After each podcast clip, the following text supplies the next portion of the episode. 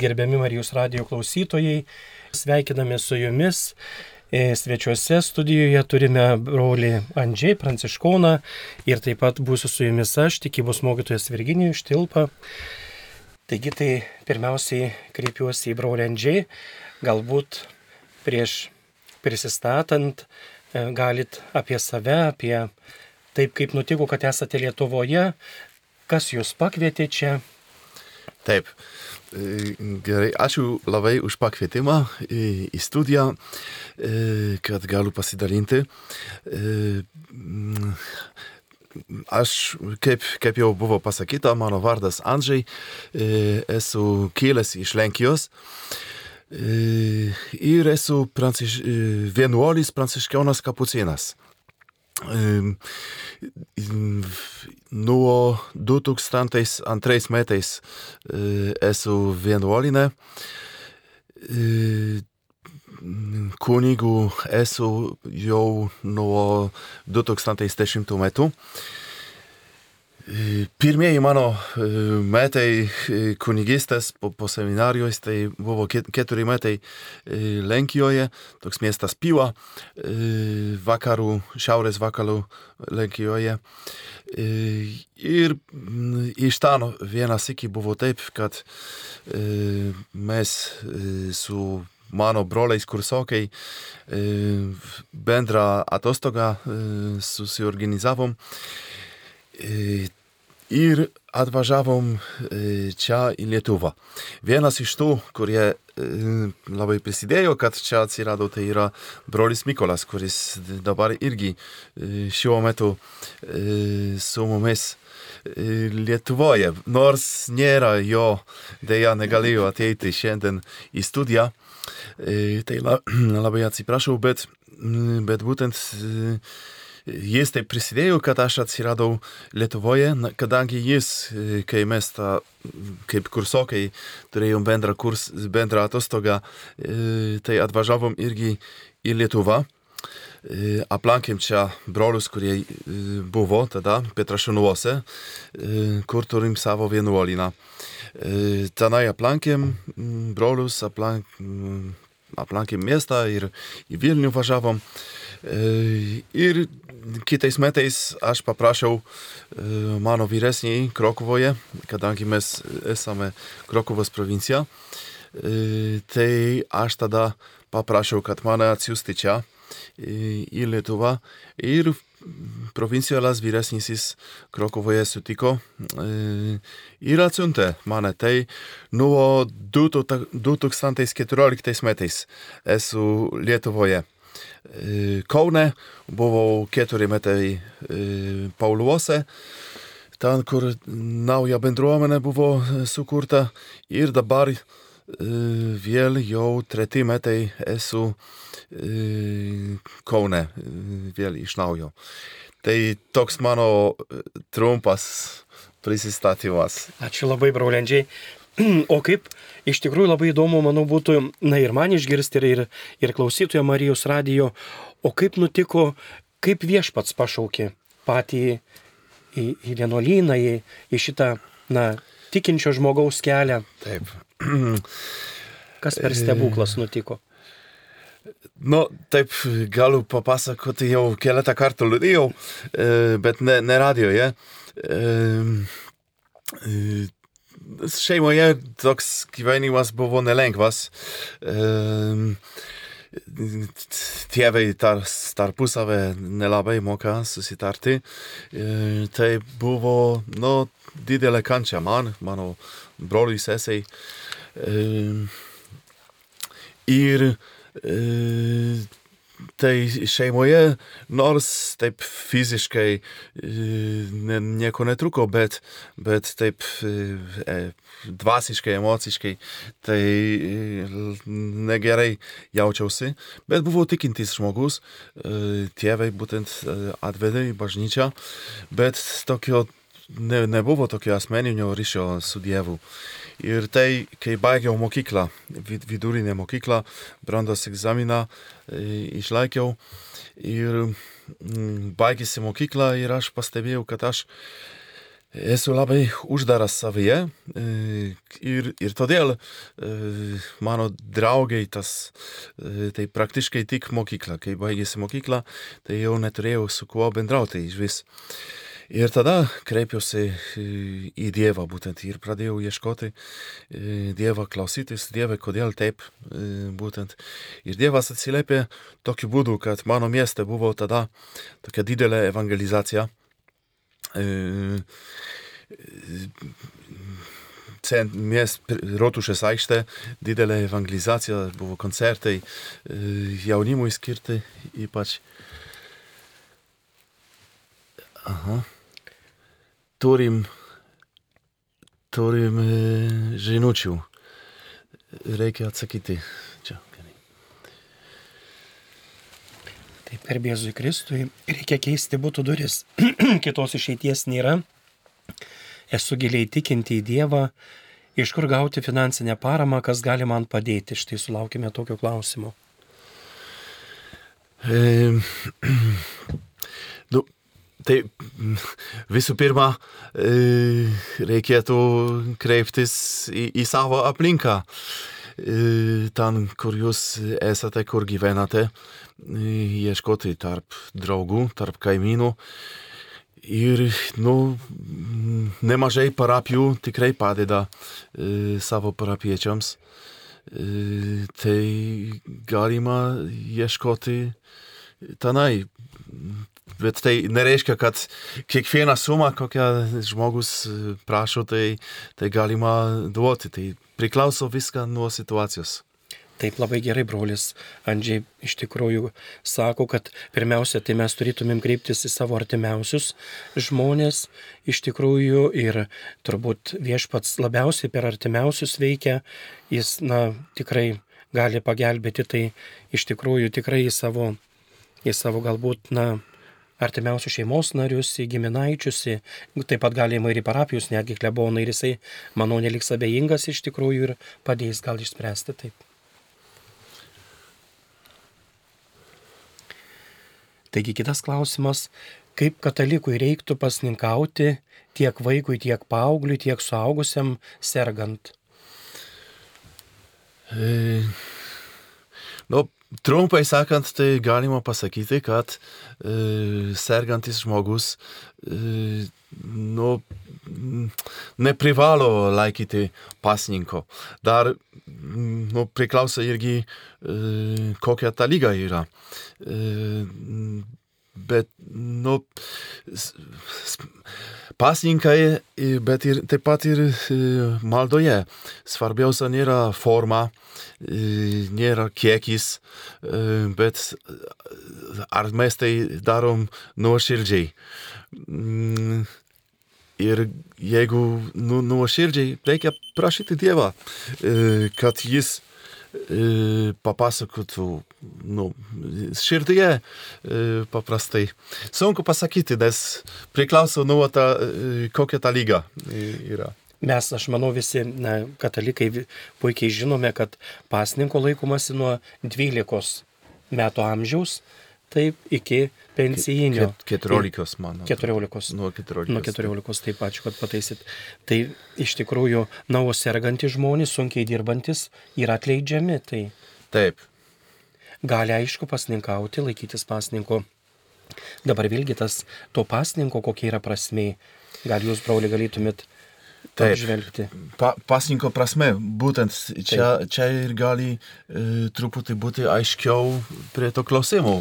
Kiekvienam, ir sergančiam, ir, ir sveikam žmogui. E, pasninko prasme tokia, kad e, nu, mes šiek tiek atsižadam to pasaulio gerovės, e, kokie puola mus iš visų pusių. E, tai galim atsižadėti, kad mm, pajausti trūkumą, pajausti alkį, e, bet tas trūkumas, tas alkis nebūtinai e, nu, tas e, pilvo badas gali būti ir kitokia forma, nes būna, kad žmogus neturi problemų su, su valgymu, bet turi ten kaip praleidžiu laiką, ar mano santykiai su, su kitais. Yra labai gražus posakis, sako, mes galime, na, nevalgyti ir iškė ten tų gardžių patiekalų ar mėsų visokių, bet įsti savo brolį sesę. Ne? Tai tas, Taip. ta prasme, to pasninko iš tikrųjų gali, na, iškrypti iš kelio teisingo. Taip. Tai pasninko prasme tokia, kad bet, bet kokia forma tai būtų, visada, kad mes galėtum kreiptis į, į Dievą, pažiūrėti, kad tikras e, visos gerovės, viso gero šaltinis, tai tik Dievas yra. Ir visa, jeigu mes ne, nemokam naudoti ką mes gaunam iš Dievo, tai tampa kliūtis susitikti su Dievu ir priimti Dievo malonę. Taip, ir atsisakę mes, reiškia, to gardesnio maisto, galime sutaupyti šiek tiek ar ne, ir po to sutaupę pasidalinti su stokojančiais. Taip. Na ir ar savo aplinkoje kažkur, ar nepadovanot kažkam, kas, kas kažko neturi, gal, na, elementarių dalykų. Tai. Taip, tai būtent e, pasninkas e, dėl to, kad mes e, galėtum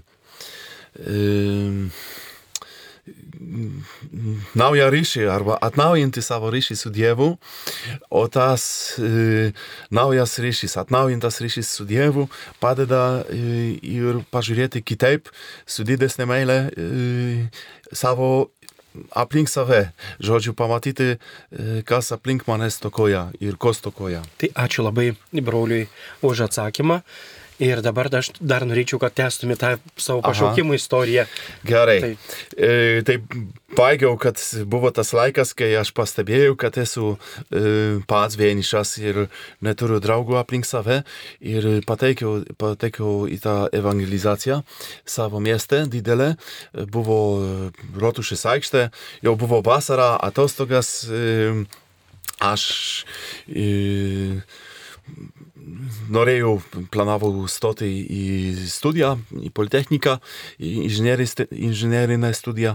E, daviau tam dokumentus savo ir, ir laukiau atsakymo. E, ir tas laikas man buvo labai sunkus, nors taip bendr... vienu žodžiu galima pasakyti, kad labai geras, nes ilgas atostogas. Ir, bet no, man tai buvo labai sunku dėl savo vienišumo. Ir ta evangelizacija, būtent tie koncertai, tai ką aš ten išgirdau, e, ką liudijo žmonės įvairiai, kurie pralei, nu, patyrė nedaug daug e, sunkumų įvairių, e, tai aš tai išgirdau tie liudijimai ir muzika, ta, tos giesmės, kokie ten buvo, man buvo tikrai nu, toks liudijimas, kad tikrai Dievas veikia. Ir aš taip pagalvojau, jeigu e, tas ir tas e, taip liudija, kad Dievas jų gyvenime taip veikia, tai kodėl gal ir, ir man galėtų Dievas taip veikti. Ir, ir buvo irgi žmonės, e, kurie ten tokios po, po du, tris žmonės, tokios mažos komandos, eidavo miesto gatvėmis, ten, kur buvo tam minė žmonių ir, ir Mm, siūlydavo, gal, mm, galim pasi, pasimelsti už tave. Na nu, ir aš pasakiau, gerai, pa, pasimelskite. Ir tikrai, kai aš grįžau namo iš ten, pakėliau jau žinojau, kad Dieve, aš noriu kitaip, jau nenoriu. Kai... Ir žinojau, tada pastebėjau, kad kodėl taip yra, nes aš pats taip užsidarau savyje dėl baimės. Bet tada nusprendžiau, noriu kitaip. Ir Įstojau į studiją, studijavau, baigiau penki metai studiją Politechniką, bet tada būtent studijos metu Dievas rodė man, kad mano kelias kitoks, ne, ne inžinierius, bet kitoks. Ir po truputį, po truputį taip ateidavo mintis apie vienuoliną, apie tokį gyvenimą. Bet labai nenorėjau, labai bijojau, labai buvau užsidaręs tame. Todėl, mm, nu, ne, nesakiau, ilgai nesakiau Dievui taip, tik bandžiau pabėgti nuo Vėl turime klausimą. nuo to. Bet Dievas galų gale prasimušė, pasakė Dievui taip. Valiau. Čia reikia ištrinti.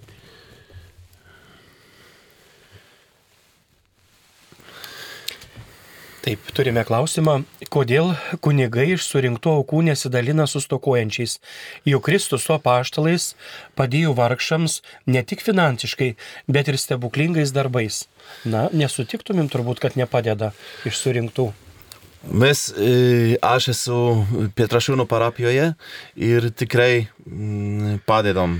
Ir turim mūsų e, parapijoje yra e, repcentras priklausomiems žmonėms, tai padedam ir tokiu būdu, kurie ateina vietoj, bet ir kai ateina kas žmogus kartais stokojantis irgi padedam. Taip, aš dirbdamas parapijose taip pat matau, kaip klebonai reiškia, na ne po rinkliavos, ta tenai parama kažkam skiria iš karto, bet iš tikrųjų tikrai padeda žmonėms, tai na nesutikčiau su, su tokiu teiginiu, kad kodėl ne, kad nepadeda. Padeda iš tikrųjų tikrai, kas kreipiasi, tiems padeda. O tiesą sakant, yra įvairių, tai galiu atsakyti tik už save.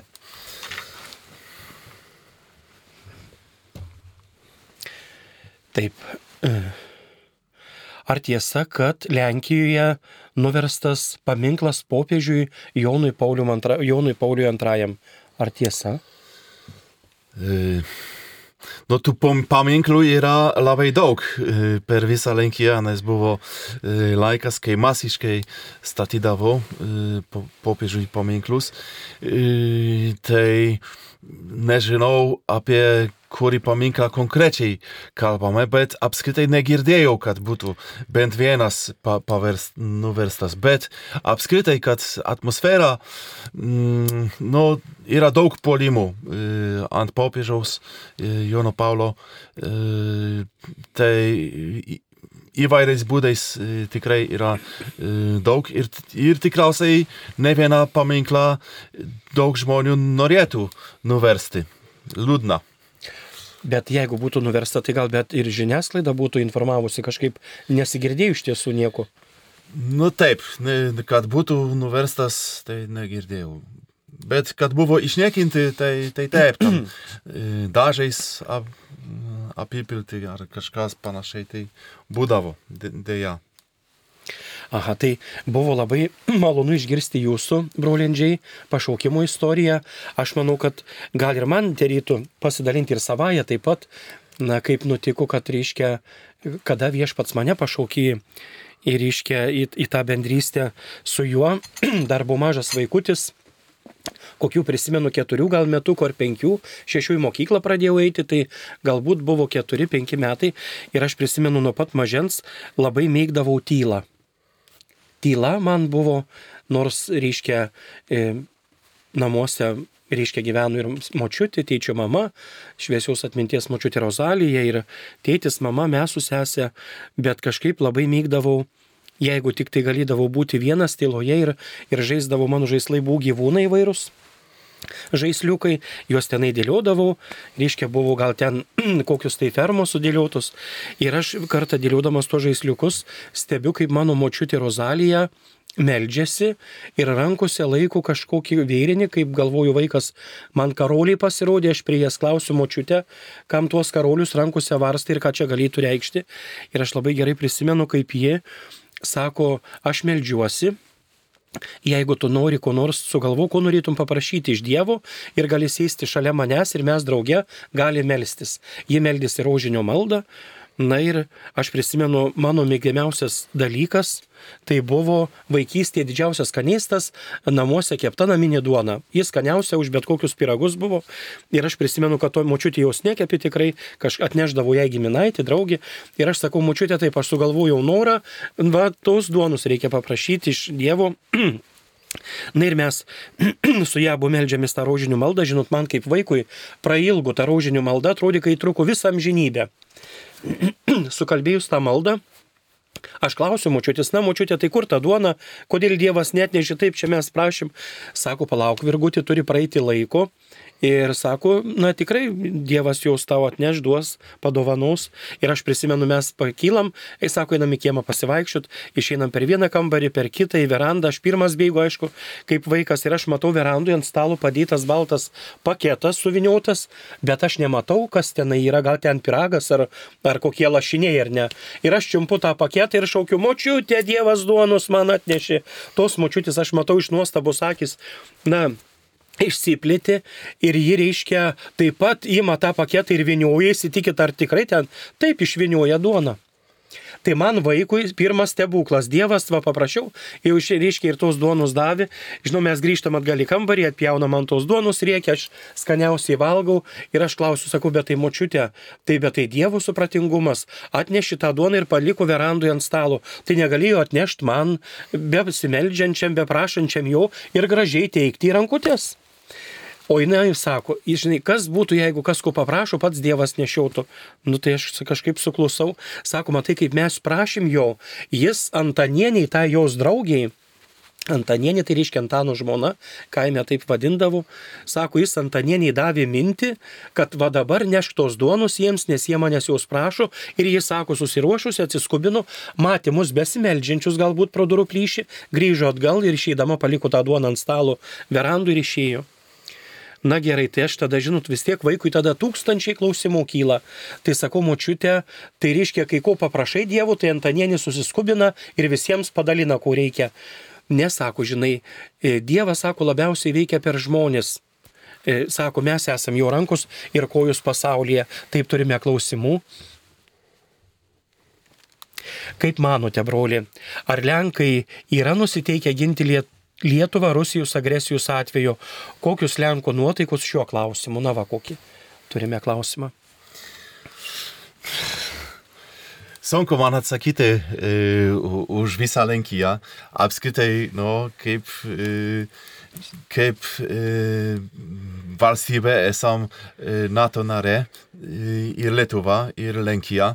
E, tai, no, nekyla, taip, ta politinė prasme nekyla klausimų.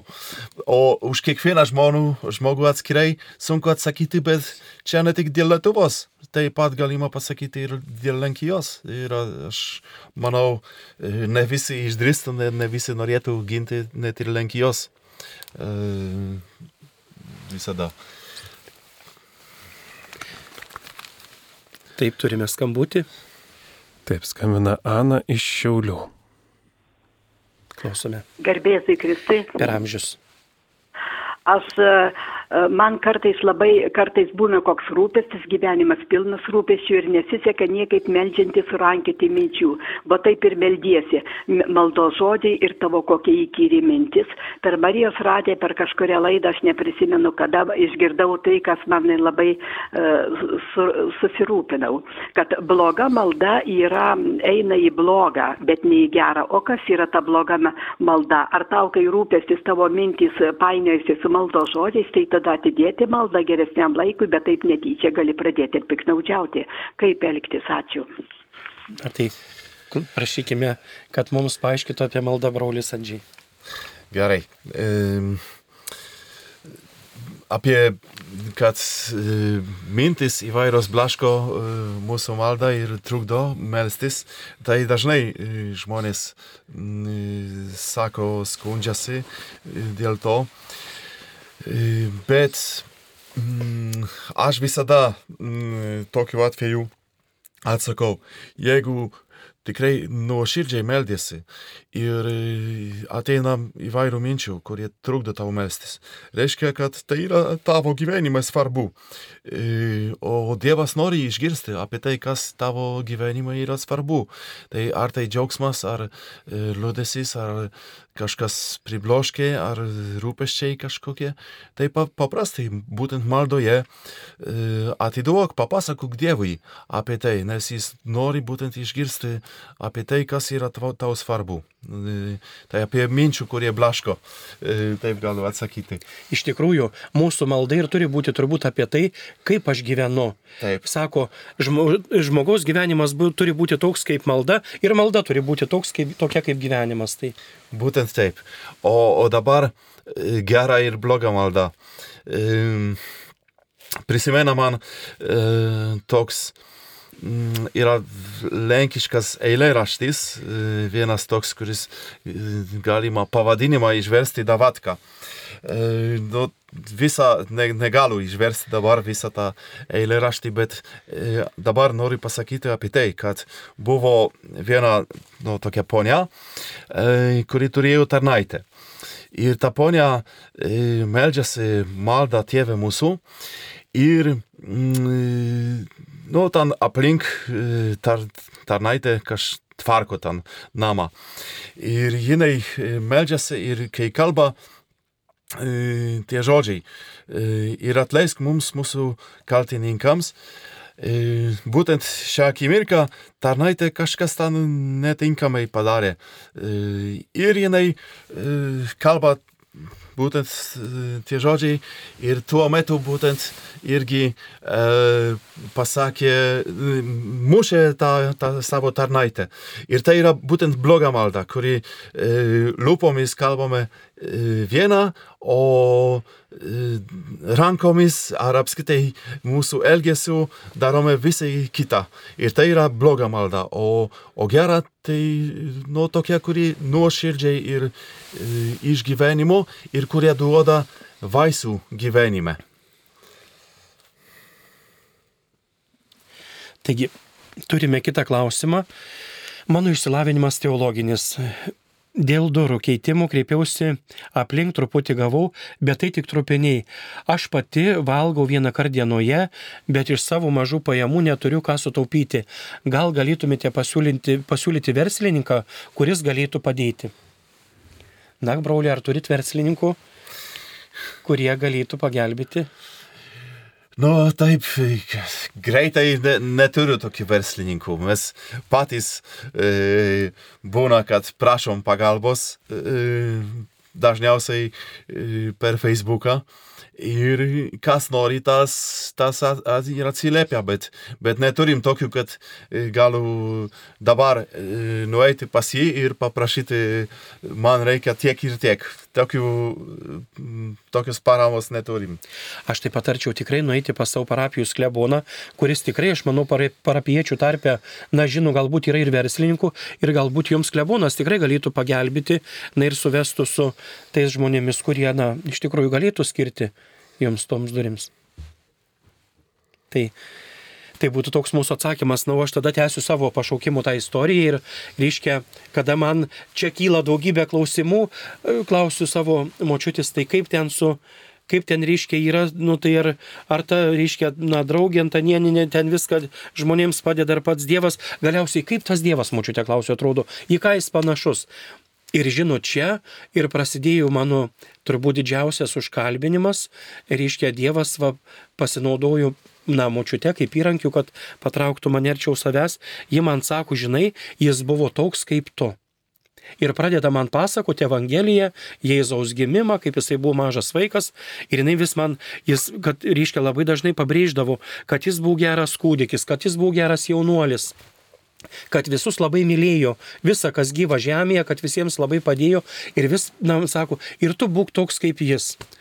Ir žinot, aš klausydamas į labai kažkaip nuo gražiai, neskaiti man Biblijos, bet tiesiog pasakoju, na, mintinai tuos e, vaizdus, tuos reiškia įvykius iš Jėzaus gyvenimo ir mane taip sužavėjo, labai labai iš tikrųjų patraukė tada ir aš atsimenu vaiko tokiu vis tiek dar mažo, tas gyvenimas atrodo, na nežinau, sušvito kitom spalvom, pasidarė toks pilnas, pilnatvis iš tikrųjų gausus ir aš klausiu, na, močiutė sakau, tai o ar, ar tu matėjai, sako, žinai, tu gali visada jį kreipti, su juo kalbėtis. Ji reiškia, neišmokė manęs tuo metu maldų, jokių, bet ji man sakė, tegul tavo širdis būna tavo maldaknygi. Tegul tavo širdis būna tavo maldaknygi, kalbėki su Jėzum apie tai, kaip tu gyveni. O čia mes turėjome klausimų, apie maldą ar ne, tai ta malda kalbėki su Jėzum apie tai, kaip tu gyveni, kuo tu gyveni. Ir sako, ar tau bus liūdna gyvenime, ar tau bus, na, ar linksma labai, ar gera, ar negera, visada kreipkis į Jėzų kaip į asmenį. Ir štai reiškia mažas vaikas būdamas, aš susipažįstu su Jėzumi kaip gyvo asmeniu, ne tuo Jėzumi, kur iš ten kokių paveikslėlių pagražintų ar statulėlių, bet iš tai man pristato gyvą asmenį kaip tu ir aš kad jis gyvas asmuo, jis buvo toks vaikas, kaip tu toks jaunuolis. Ir jį papasako, aišku, man tą istoriją Jėzaus gyvenimo iki pat pabaigos, kaip jį baigėsi ar ne, kad jis, na, išgyvena didžiulę kančią už tai, kad žmonės mylėjo atėjo jų gelbėti ir jiems padėti, kaip jis yra ryškia nukankinamas miršta ir prisikelia ir jisai yra visada, reiškia, gyvas. Ir žinot, jo ta, reiškia, tas jo, tas, reiškia, jos papasakojimas, tai aš atsimenu, į mano širdį mane gyrėsi kaip į kokią kempinę. Ir žinot, nuo tada jau, aš atsimenu tada, tai tie žaisliukai ten man žmonės kokie, bet tada aš turėjau, reiškia, na jau vidinį savo pasaulį, kur galėdavau, reiškia, ten būti savo, na, toje vidinėje e, šventovėje, širdies šventovėje su Jėzumi drauge. Ir iš tikrųjų, nuo tada iki šios akimirkos esu labai laimingas iš tikrųjų, kad, na, taip nutiko, kad e, taip užkalbinu pats viešpats mane ir, ir pakvietė, reiškia, na, į šį kelią nuostabų, tada teko ryškiai ir teologijos studijas baigti, ir, ir darbuotis parapijose, ir su jaunimu, ypatingai vaikais, ir jiems perduoti tai, ir žinot, ryškiai su džiaugsmu tą darau. Ir esu labai labai labai laimingas iš tikrųjų, jo mano senelis, kurias mačiau labai gražiai, turėjo gyvą pamaldumą išvenčiausią mergelę Mariją Jėzaus ir mūsų dangiškąją mamą, taip pat Jėzų ir tas pavyzdys jų gražus iš tikrųjų, na, gyvas liudijimas man buvo, na, tie, jos buvo tos pirmosios evangelizatorės, kurios mane nereiškia, na, lydėjo tame kelyje. Tai. Na, o šiandien jau aš esu tas, kuris aš palydžiu taip pat minės jaunimo vaikų ir suaugusių žmonių, kurie ir dirbant mokyklose ateina su klausimais, klausia įvairių dalykų ir mes kalbamės ir, ir žinot, ir jaučiu, kaip tame dalyvauja iš tikrųjų pats viešpats. Na taip gyvai, tikrai. Net kartais pats aikteliu, uh, kaip čia galėjo taip nutikti. Tai. O prasidėjo nuo e, močiutės rožančiaus. Taip, o prasidėjo nuo rožinio maldos močiutės, taip. Taip, ir aš šiai dienai myliu labai rožinio maldą, Iš tikrųjų, vieną kartą savo dvasios tėvo klausiau, sakau, kartais atsigulu vakare ir kalbu raužinių maldą ir užmiegu. Ir tas raužinis būna arba nukrenta ryškiai ant žemės prie lovus, arba būna pabundu ryškiai ryte ir kažką šoną spaudžia. Ten ir aš klausiu, ar ta raužinių malda man užsiskaito ar ne. Tai jisai taip nusijaukia gražiai ir sako, taip, ta malda užsiskaito, tu ją pradėjai, o jeigu, kad ir užmėgai pavargęs, nu nežinia, kaip ten ties kurią vietą baigiai, sako, žinok, viešpats ją užskaito. Ar mhm. tikrai, broli, taip gali būti? Taip, taip. Aš tai... Svarbu intencija. Norėčiau irgi pastebėti, e, kad kai Virginijus pasidalino. E, Turime tos... skambutį, taip. Skambina klausytoja Nijolė iš Lentvario. Klausome. Garbė Jėzų Kristui. Amžius. Žinokite, man, net, nu, man visą laiką kelia klausimą, nu, kaip, nu, man labai įdomu sužinoti tokį dalyką. Nu, va, Jėzus Kristus už mus mirė ant kryžiaus, atpirko mus, mūsų nuodėmės atpirko.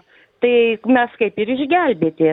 Tai kodėl dabar dar po mirties žmogaus laukia paskutinis teismas? Jeigu jau mes esame atpirkti? Labai geras klausimas, ačiū labai. Na, brauli, kreipiamės į Jūs. E, nu taip, nelengvas tas klausimas, bet mm, Paskutinis teismas e, nu, bus visų pirma, tai ne tik asmeniškai, bet, bet ir e, dėl viso pasaulio e, tas paskutinis teismas, bet ir asmeniškai, taip galime pasakyti, iš tas paskutinis teismas apie tai, kaip aš gyvenau. Būtent Dievas mirė, Jėzus Kristus mirė, prisikėlė, atpirko mano nuodėmes, bet ir tai yra dovana, Dievo dovana, Dievo malonė. Bet ką aš padariau su ta Dievo malonė, kaip aš priėmiau, kaip e, ar leidžiau, e, kad duotų vaisių mano gyvenime. Nes Dievas numirė už mane, e, bet ir priima mane, koks aš esu, bet jis nenori, kad aš, kad aš likčiau, e, koks esu. Jeigu esu sakykime, vagis, tai jis nenori, kad priima mane kaip vagį ir myli mane kaip vagį ir už tokį davė gyvenimą, bet jis nenori, kad aš visam gyvenime būčiau vagiu. Nori, kad mano kad jo mirtis ir, ir prisikėlimas, ta, tas, ta pergalė ant blogio, kad duotų vaisių mano gyvenime. Jeigu aš nuoširdžiai tikrai priimu tą Dievo malonę, tai, tai noriu, tai leidžiu, kad Dievas veiktų mano gyvenime, kad jis keistų mano gyvenimą. E, būtent. Ir paskutinis teismas bus apie tai, kaip aš naudojau e, tą Dievo malonę. Taip, iš tikrųjų tas paskutinis teismas, vis tiek mes gyvename istorijos teikmėje ar ne, laikė ir žmogus nėra ryškia, na, nuskaistintas, tyras, vis tiek gyvenant, einant tuo gyvenimo keliu, žmogui ištinka įvairiausi dalykai ir nutikimai visokie. Tai tą apskaitą savo kelionės pabaigoje ir ryškia to teismo akivaizdoje ją reikės vis tiek duoti, tai čia neišvengiami dalykai. Taip. Taip. Tai aš manau, kad atsakėme šį klausimą ir dabar teskim, broli Andžiai. Taip, kaip Vir Virginijus e, pasidalino m, tą stebuklą su, su duona. Tai galima pasakyti, kas čia tokio, kokia čia stebukla, no, atneši paprastą kažkas ir, ir taip, kokia čia stebukla. Bet e, tam vaikui, kuris buvo tada Virginijus, tai tikrai buvo stebukla. Ir Ir mes turėtum pažiūrėti į gyvenimą, kad būtent mūsų gyvenime dabar, net ir suaugusiems, nauja diena, kiekviena nauja diena, kad aš atsikeliu, kad saulė šviečia, kad lietus lyja, kad susitinku su, su kitu žmogumi ir visa kita, tai yra Dievo stebuklas būtent.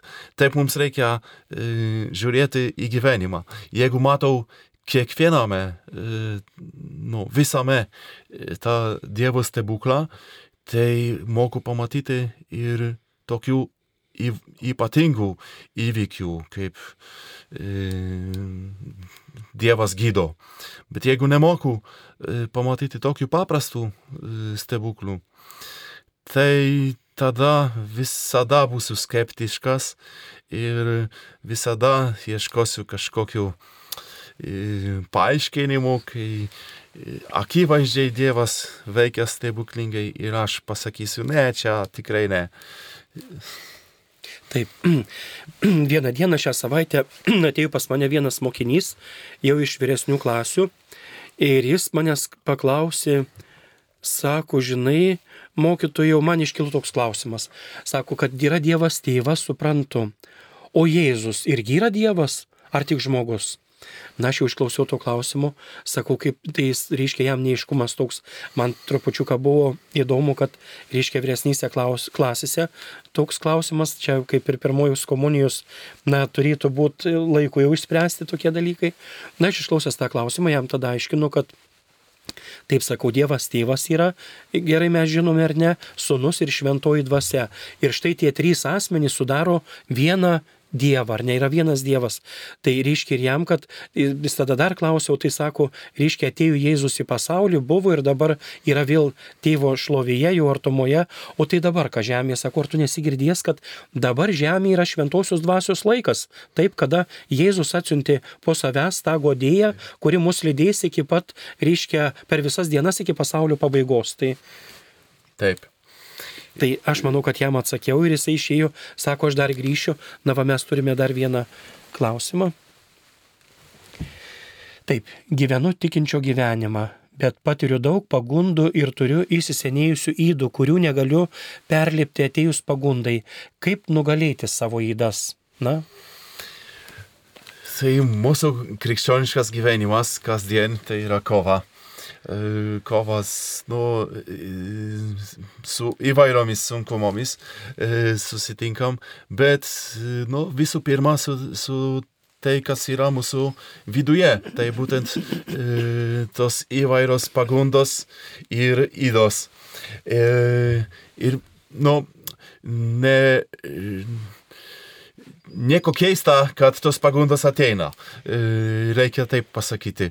E, arba priešingai net, būtų keista, jeigu jokių pagundų ir įdų ne, tipo nebūtų, nes tai reiškia tada, kad aš nematau, ne, nereiškia, kad jų nėra, bet nematau. O kai jeigu matau, tai jau yra, e, jau vis tiek gerai tame, kad, e, kad matau mano priešą, e, kur, kur ir kaip mano priešas e, mane puola. Ir lengviau e, kovoti su tai, kas yra matoma. O kaip nugalėti savo įdas? Visų pirma, Jėzus Kristus yra gailestingas ir jam visada reikia pavesti, atiduoti savo įdas yra mm, išpažinties sakramentas, atgailos sakramentas. Ten visada savo nuodėmes įdas atiduotų Jėzui Kristui, kuris atleidžia man nuodėmes ir galiu pradėti iš naujo savo gyvenimą. Ir jau nenešiu tos, tos sunkumo su savim, to maišo su net ir gal mažomis nuodėmėmis, jau ne, nenešioju toliau. Bet ir patys mes kaip, kaip žmonės turime ugdyti savo valią iš tiesų ir bandyti tas įdas pakeisti darybėmis, kiek tai yra įmanoma. Iš tikrųjų, jau jeigu žmogus atkreipia dėmesį, kad jisai reiškia, na, turi įdų ir su jomis bando kovoti, jau yra geras ženklas, taip. Tai ir dabar ieškoti, kaip aš galiu, reiškia, tas įdas pakeisti darybėmis. Po trupučiuką, po vieną, po, po dvi ir tai pabandyti, reiškia, papraktikuoti ir, na va. Taip, nes e, tiesa, dažnai mes per daug susikaupiam, susifikusuojam ant tai, kas yra blogo manyje ir noriu kovoti tik tai su, su blogo, o man nerūpi e, geris. E, o kartais būna būtent verta padaryti kažką gero, nepaisant, kad tas blogis irgi yra. Taigi turime dar vieną klausimą. Kaip manote, kodėl šiais laikais mažėja pašaukimų į kunigus ir vienuolius? Nu, įvairiais e, galima atsakyti ir turbūt vieno atsakymo e, tinkamo nėra. E, Dievo paslaptis, Dievas nori kažką mums pasakyti. Tikriausiai vienas e, iš problemų tai yra mūsų krikščioniškas liudėjimas. E, kunigų, vienuolių ir, ir paprastų žmonių. E, kad kažkas, nes čia ne tik apie kunigistės ir vienuolės, bet ir apie paprastai krikščionišką gyvenimą, kad mažėja žmonių bažnyčioje. Tai visų mūsų krikščionių liūdėjimas, mūsų gyvenimo liūdėjimas, e, kad gal dažnai mūsų darbai, mūsų elgesys neatitinka tai, kas kalba ir kaip nori, kad mes gyventum Dievo akise. Taip, dar turime skambutį, klausome. Skambina klausytoja Justina iš Plungės. Klausome. Aš noriu paklausti, kodėl kunigai nesibalateruoja į Seimą ir nekelia savo kandidatūrus? O reikėtų, kad mūsų visuomenė būtų dvasiškai sveikesnė. Kodėl? Ir kitas klausimas, ar gali kunigai dalyvauti šeimos šventise ir pravesti jas? Na, va, ačiū labai už klausimus, pabandysime atsakyti. E, tai pirmiausia apie tą Seimą. Taip, apie Seimą. Kanonų teisė e, draudžia kunigams, vienuolams e, gyve, gyvai gyve, dalyvauti politiniam gyvenime. Tai žodžiu, e, jokių politinių e, postų negali užimti. Ne tik Seimo narys e, negali būti, bet net ir e, seniūnų savo kaime irgi negali būti e, kunigas. Na, o reiškia, ar gali kunigas pravesti šeimo šventę, būti renginių vedėjų? Nesumatęs dar tokių reiškinių? E, Kad bažnyčiui, reiškia, na, aukotų šventasias mišes, vestų pamaldas, taip, na, čia viskas kaip ir aišku, bet kad šventės asmeninės vestų. Nu, nelabai aš įsivaizduoju, apie ką, kaip tai turėtų Kad, būti. kad jis kunigas dalyvautų ar ne šventise žmonių asmeninėse, tai labai gražu, kada pakviečia ten, ar reiškia, po santokų sakramentų į jaunavedžiai savo, reiškia, šventę į jungtuvių, labai gražu, kaip svečia, bet kad vestų, tai ne, ne, neįsivaizduoju. Ne, nelabai įsivaizduoju. Gal nelabai ir dėrėtų, jau jisai kaip ir bažnyčiui atliko ar ne savo misiją, Nu, taip. taip laimindamas, reiškia, santoką ar ten kažką, pamaldas kažkokias vesdamas. O, o tas šventės yra vedantieji švenčių, kurie gal, aš nežinau, net ar laiko užtektų kunigui, Nu, taip, klebonui, taip. jeigu jis reiškia po šventųjų mišių dar važiuotų paskui namus, vesti toliau švenčių ir o ryte vėl lauktų bažnyčiai. Taip, taip. Nu, aš manau, čia nedraudžiama kunigui, bet e, nu, čia reikia talentą turėti ir laiką reikia turėti. Tai, nu, Esu matęs, reiškia, kada klebonas atvyksta į namus, kad ir ten reiškia, ar tai kažkokių tai metinių žmonių proga ir jisai praveda prie stalo maldą, e, pasako žodį apie vėlionį, labai gražu. Na va, toks sakyčiau, tai čia labai, na, toks dera dalykas, bet šventės kažkokias vesti gal ne. Jau gal reikia talentų taip, specialaus. taip. Ir laiko, aš manau, aš pakaktų. Jau kunigas savo, na, tarnystėje turi skirti daug laiko ir vis tiek ir sakramentų teikimas, ir ligonių lankymas, ir parapiečių lankymas, visi kiti organi- organizaciniai parapijus, na, klausimai, reikalai. Ir, ir, ir dar jeigu turi čia jau specialus būti paskirtas kunigas, kad Taip. tuo užsimtų. Tai, Gerai. tai va, o mes kalbėjom apie Stebuklą. stebuklą, taip, tą pirmąjį mano stebuklą. Taip. Nu, aš tai, nu, kažkaip man susijėjo, kad e, verta, kad mes gyvenimą matytum kaip stebuklą. Taip. Na va, turime dar vieną skambutį irgi galbūt kaip stebuklas bus, taip klausom. Skambina klausytoja Marija iš Kauno.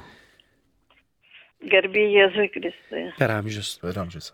Norėčiau paklausti klausimų apie rožančiaus kalbėjimą. E, Kai e, kalbu rožančių, aš visada turiu sėdėti šviesoje ir su akiniais, kadangi mintinai nemoku paslapčių.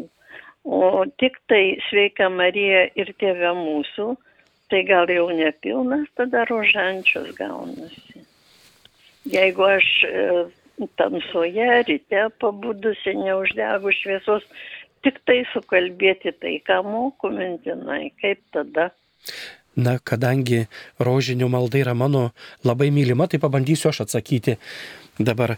Tai žinot, iš tikrųjų, jeigu jų ir neatsimenat ryškės slėpinių, na, bet turi tą intenciją, apie tai galvojat ar ne, ar tai būtų, na, garbės dalis, ar kančios, ar, ar šviesos, ar džiaugsmo, tai nieko aš manau baisaus, svarbu ryškiai jūsų yra intencija ir svarbiausia, kad jūs tas maldas žinote, kokias, na, sukalbėti Na, kai turit galimybę būti šviesoje ir galit persiskaiti, na, slėpinių pavadinimus, tai tada ir dar aiškiau būna. Tai labai gražu, kad melžiatis rožinio maldą iš tiesų. Jie tokia, na, gyvybės nešėja. Dar turime vieną klausimą.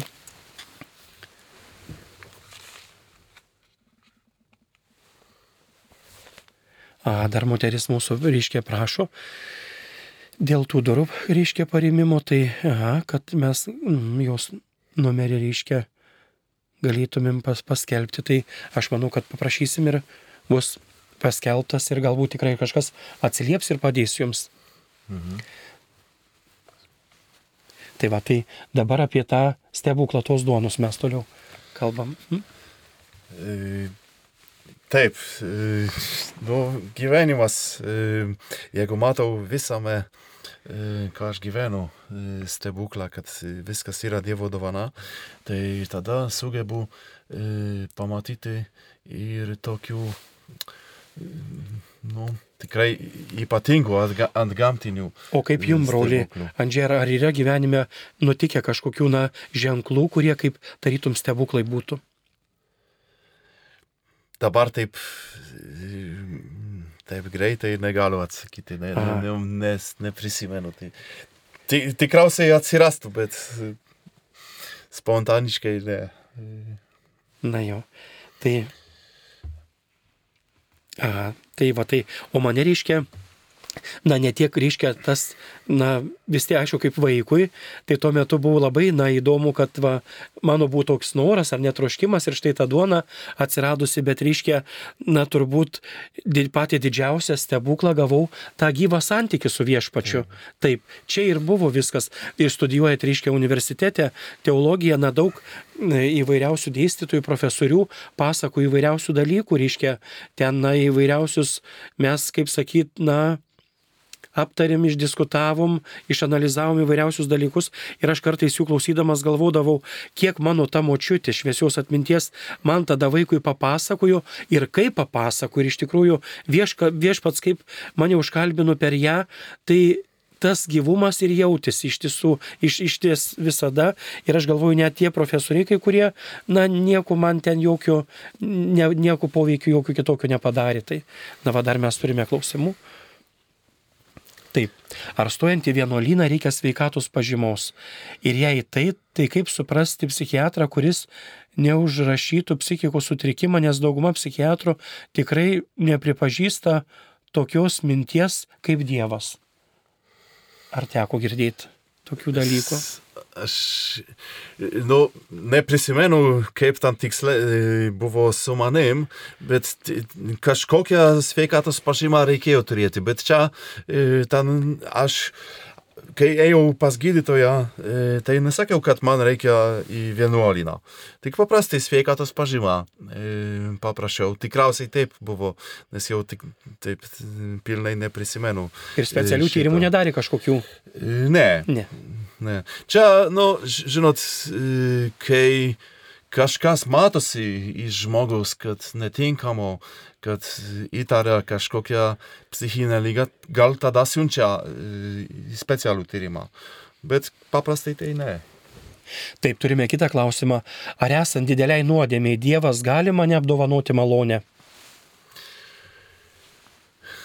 Taip, gali apdovanoti e, Diev malonę, net ir manau, kad e, jau tas ryšys su Dievu, ka, tas žinojimas, e, kad jis yra, tai jau yra Dievo malonė ir visada galima e, kreiptis pas Dievą.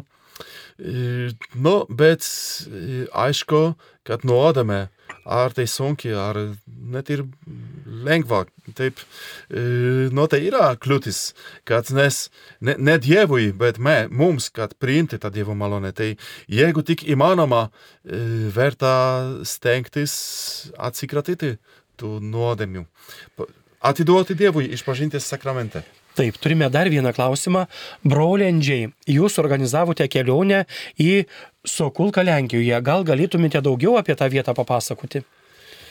Ar tiesa tai? Taip, nu, Tikrai. keletą kartų buvau su, su įvairiomis grupėmis e, Sokulkoj. E, Sokulka tai yra miestelis, mažas miestelis Lenkijoje, netoli Lietuvos, iš Kauno tai būtų maždaug 200 km. E, Netoli Baltarusijos sienos Lenkijoje. E, Ir ten prieš maždaug 20 metų, n- n- tiksliai ne, neprisimenu, bet maždaug prieš 20 metų įvyko toks stebuklas, e, vadinamas e, eucharistinis stebuklas arba eucharistinis įvykis. Nes e, kas ten įvyko? Nu, mišo, mišių metu, šventų mišių metu bažnyčioje, švento Antano bažnyčia ten yra, e, kunigas, kai dalijo komuniją, paprastai, kaip dalijo komuniją, kaip visada, vienas komunikantas, žodžiu, Kristaus kūnas, dalinamas žmonėms, nukrito ant žemę. Ir Nu, tai yra tokia speciali procedūra kunigui, ką daryti tada. Dėl hygienos, nu, jau nei duoti kitam, nei, nei pats valgyti nelabai e, gali tada. E, tai galima įdėti į tokį specialų indelį e, su vandeniu, kur reikia palaukti, kad tas komunikantas, Kristaus kūnas, kad jis iš, ištirptų. Ir kai ištirps, nu tai jau nėra fiziškai nėra e, to Kristos kūnos, todėl jau laikome, kad e, čia jau išpilti tada jau nėra nuodėmė, nėra Dievo paniekinimas. Tai e, tada į, į žemę, svarbu į žemę, ne į tualetą, į, išpilamas tas vandenys su to ištirptų Kristaus kūnu. Bet čia bažnyčių šventoriuje kažkur taip Bažnyčioje tai buvo. Taip, bažnyčioje. Tai tiesiog bažnyčioje Taip. prie altoriaus, Taip. e, kur normaliai, kai žmonės ateina e, komunijos metu taip, taip, taip. mišiuose.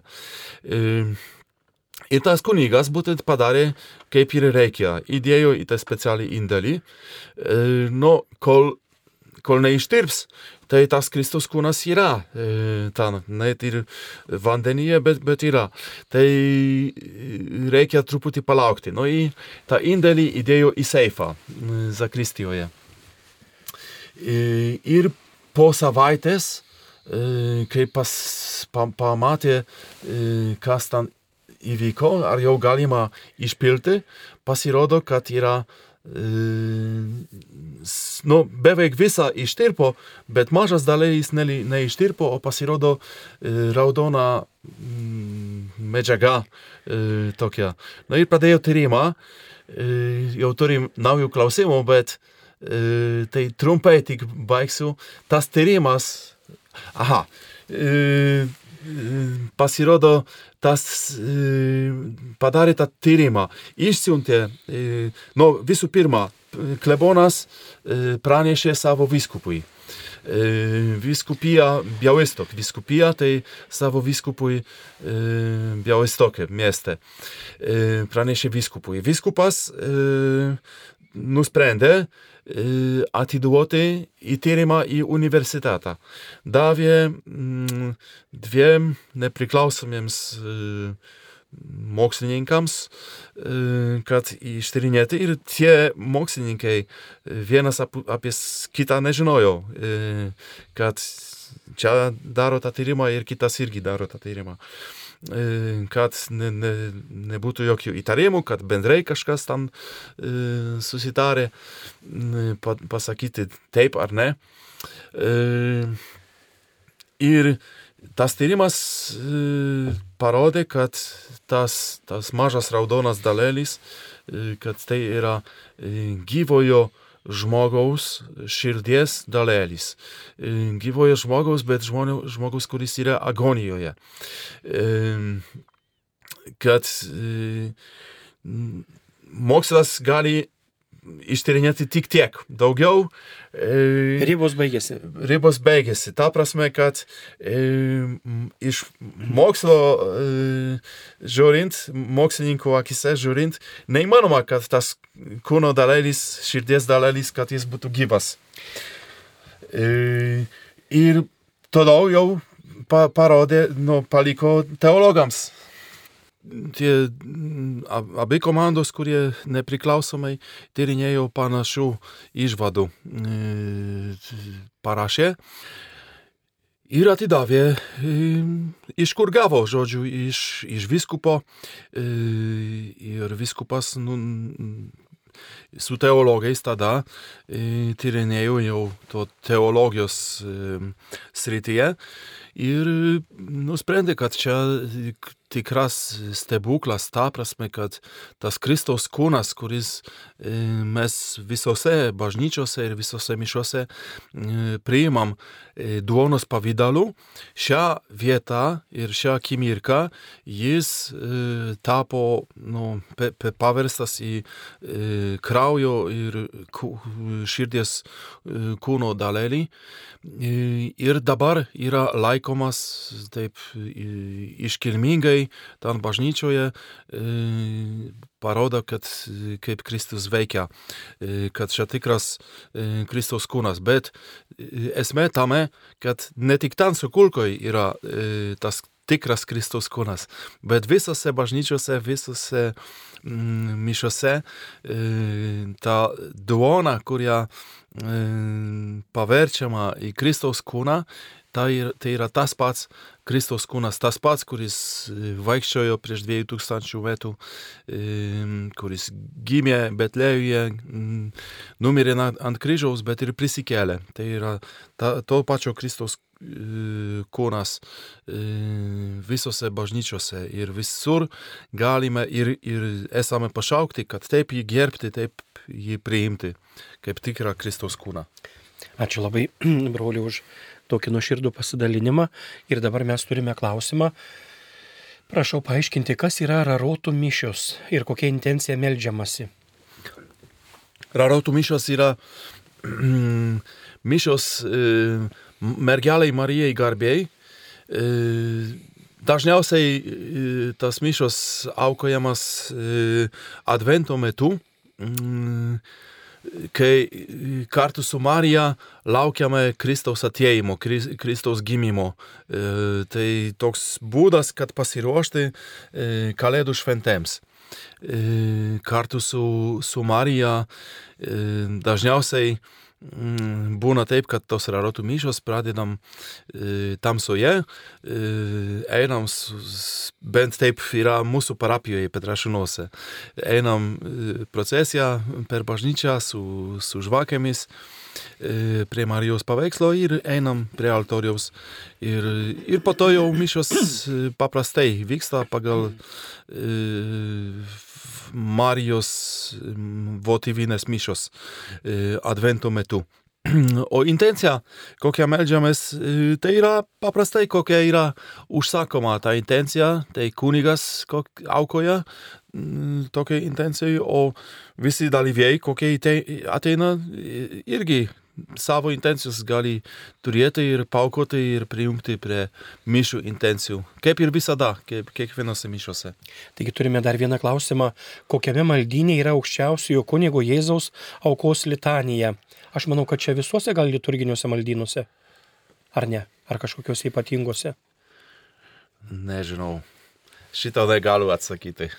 Aš manau, kad liturginiuose maldynuose visuose turėtų būti.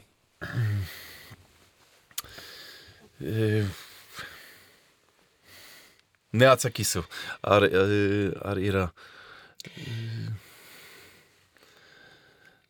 Aš naudoju, kai, kai noriu, tai naudoju iš interneto asmeniškai. Tai apie šią vietovę jau kaip ir baigit ar ne pasidalinimą Taip. savo. Dabar šiandien mes dar turim, reiškia, sausio 13-osios naminėjimą visoje Lietuvoje vyksta įvairios, reiškia, akcijos, atmintis gyva, nes liudyja e, pilietinės iniciatyvos. Kaip jums, sakykit, broli, ar, ar teko jau dalyvauti kokioje nors vienoje, ar, ar dar rengėte šiandien dalyvauti? E, ne, ne, nedalyvavau. E, nu, mes paprastai melžiamės e, mišiose e, už Lietuvą mūsų bažnyčioje. E, Tai tokiu būdu dėkoju Dievui už, už laisvą Lietuvą, bet irgi jau taip asmeniškai gera, įdomu pamatyti, kaip vyksta renginiai, tai stebiu ar internete, ar televizijoje. Kai prieš keletą metų čia Lietuvoje, kai jau buvau, išgirdau tą dainą apie laisvę.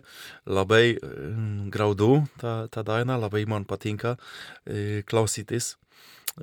Klausytis, nes dainuoti nelabai moku šitą, bet labai patinka man klausytis šito dainų. Nebent su, su kitais, jeigu yra kiti žmonės, tai tada ir kartu galim.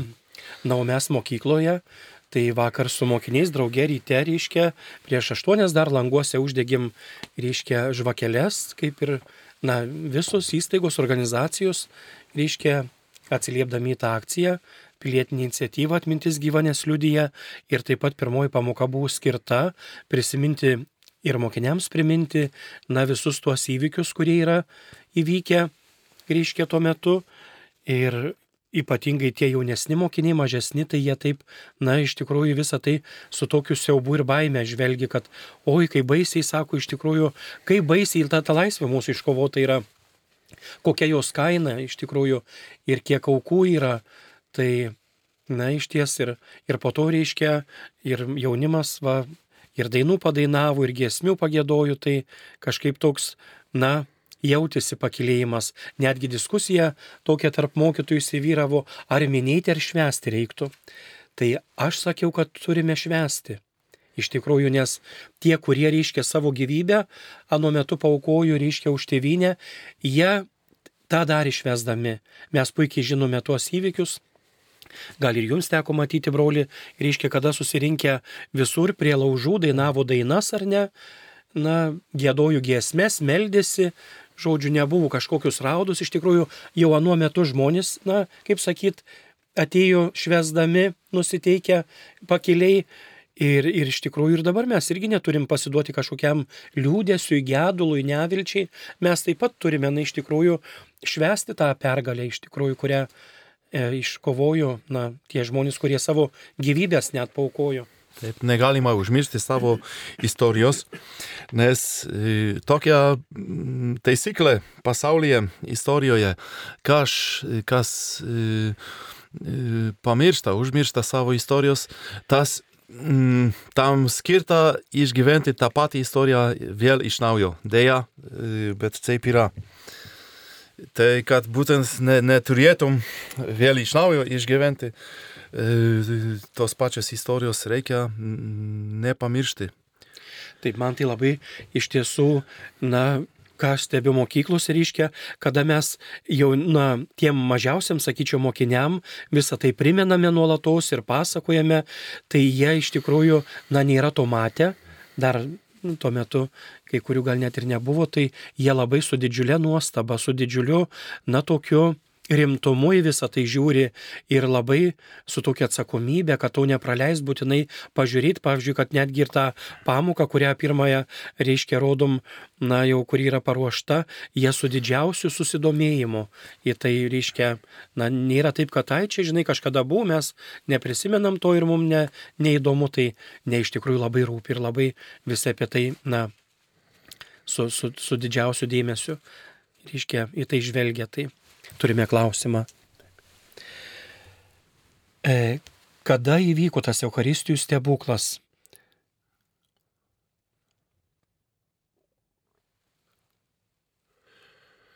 Aha. Ar galėtumėt? Mm, taip, tas stebuklas įvyko maždaug prieš 20 metų, tiksliai nepasakysiu kada. Stebukl, Eucharistinis stebuklas Sokulkoje. Prieš maždaug prieš 20 metų tai buvo. Ar yra, man atrodo, kad jis yra ta, tame, kas aprašo Karolis Akutis, bet šimta procentų nežinau. Bet gal Dabar nesu tikras, bet galėjo būti net ir taip, kad būtent e, Karolis Akutis nuo to įvykio e, pradėjo domėtis e, tą temą. Tai, o sakykit, broli Andžiai, o kokių dar teko girdėti jums eucharistinių stebuklų. Taip. Ar kokiais galėtumėt apie tai pasidalinti? Taip, taip. Istorijoje kaip pirmas toks žinomas stebuklas, panašus kaip Sokulkoje, tai istorijoje įvyko pirmą kartą, bent žinomas yra, kad įvyko tokiam mieste Italijoje, Lanciano. Ir tenai iki šiol yra laikomos tos tokie grūdeliai. Ten, ten šiek tiek, šiek tiek kitaip buvo. Esmė ta pati, bet, bet pats įvykis buvo kitoks negu Lenkijoje, Sukulkoje, kadangi ten kunigas, kuris aukojo mišos ir mišių metu, būtent kai, kai vyko ta, tas konsekracija, jis suabejojo, ar tikrai čia taip gali tapti, kad ta duona taps Kristaus kūnu. Ir kai jis suabejojo, bet vis tiek darė, ką reikia. kaip yra mišiolė e, paskirta, taip ir jis taip darė. Ir tada būtent jo rankose tas komunikantas, ta, ta ostija jo rankoje buvo paversta į širdies dalelį. Po to irgi buvo tyrimai ir iki šiol bu, bu, būna daromi tyrimai, kad ten yra tokie širdies daleliai, grūdeliai, bet irgi kraujoja ir ta kraujo grupė tenai mieste Lanciano ir Sokulkoje yra ta pati ir daug kitų panašumų yra ten. Tyrimai parodė. Tai tas, tas pirmas ta, toks stebuklas tai įvyko tame mieste Lanciano. Yra ir kitų e, pasaulyje, Argentinoje, pavyzdžiui, ten, bet Buenos Aires turbūt, ten e, mieste, bet tiksliai nepapasakosiu jau apie tai. E, yra dar vienas miestas e, Lenkijoje, e, Legnica, čia jau priešinga pusė, nes čia e, Sokulka yra šiaurės rytų Lenkija, o Legnica yra pietvakaru Lenkija. Netoli vokiškos sienos, toks miestas Legnica. Įdomybė tokia, kad komunizmo metu tas miestas buvo vadinamas Maža Moskva, Maža Maskva, kadangi ten buvo didelis Rusijos armijos garnizonas, pusę miesto tai buvo rusai, kareiviai. Ir tenai, nu, prieš maždaug dešimt metų įvyko pa, labai panašiai viskas kaip Sokulkoje.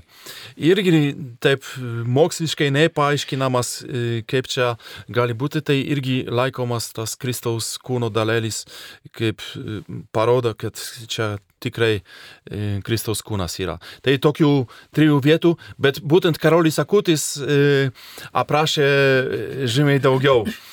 Būna Lietuvos bažnyčiose tos parodos, kurie Marijos radijos direktorius kunigas Sigitas paruošė, tai ten aprašytos iš viso pasaulio tokie įvykiai, stebuklai. Ačiū, ačiū labai už pasidalinimą ir vėl mes turime klausimą, kada vėl organizuosite piligriminę kelionę į Sukulką. Ar būtų galima prisijungti, klausia klausytojai.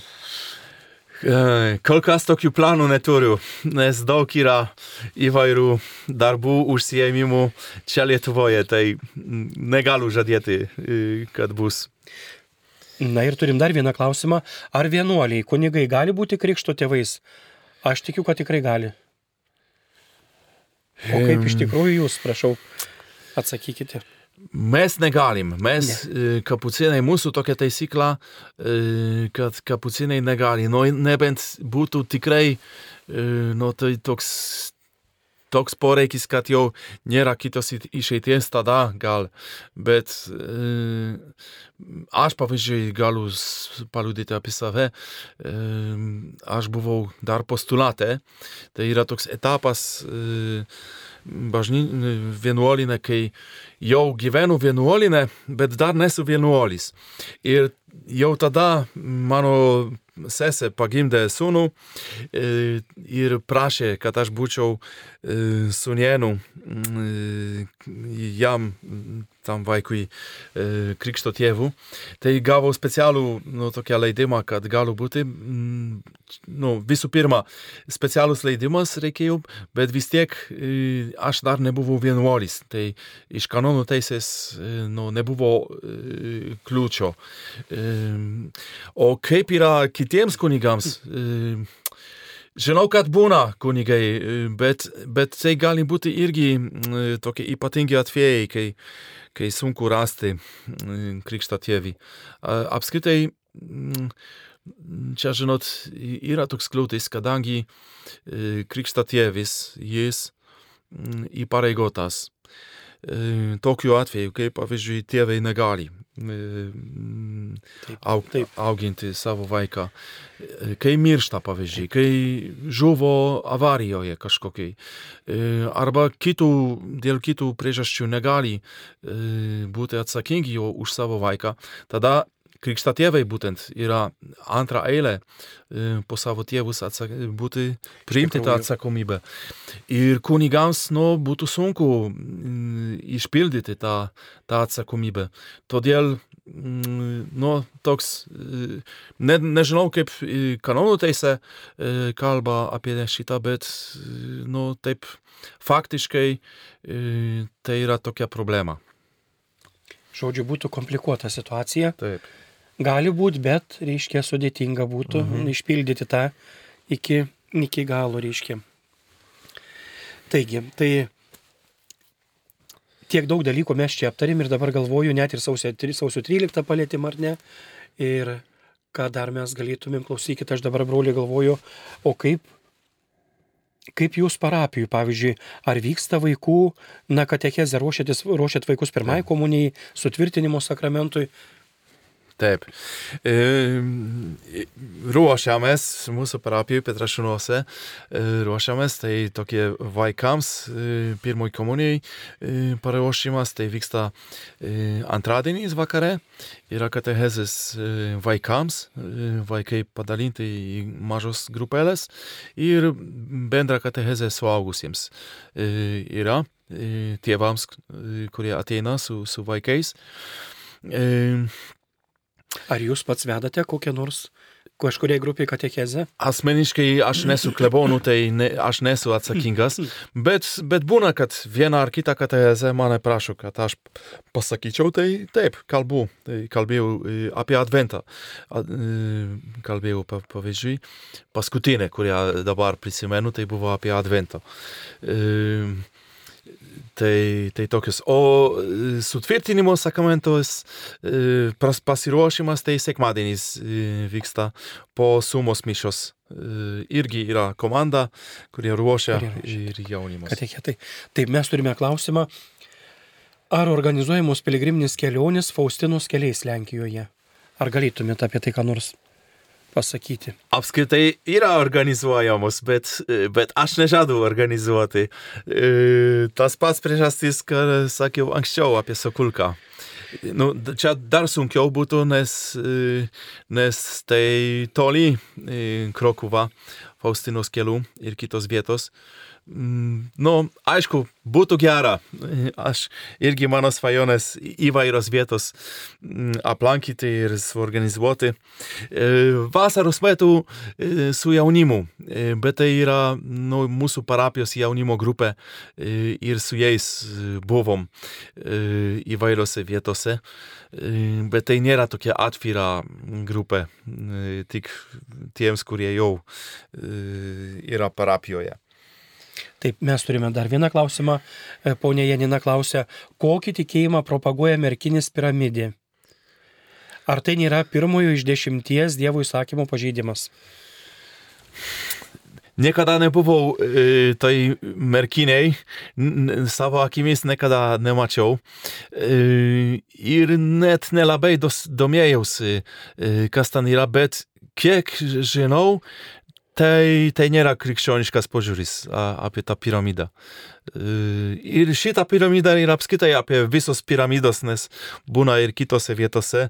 Jeigu ten ieškome kažkokios energijos ypatingos, tai, tai nėra krikščioniškai. Taip. Dar turime klausimą, ar sukulkus Eucharistinis stebuklas vyko 2008 metais? Tikriausiai taip. Tikriausiai 2008 metais. Bet nu, dabar neturiu medžiagų e, su savim, tai ne, negaliu.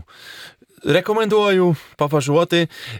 Kai aš buvau keletą kartų, tai gavau net ir Lietuvos medžiagą, nes yra tokios knygutės su aprašymais išleistos įvairiomis kalbomis. Viena iš tų kalbų yra lietuvių kalba. Tai galima tenai asmeniškai aplankyti, pasimelsti. Bet ir internete galima daug rasti, kai parašysite Sokulka. So, sokolka, tai lenkiškai būtų galima sužinoti daug.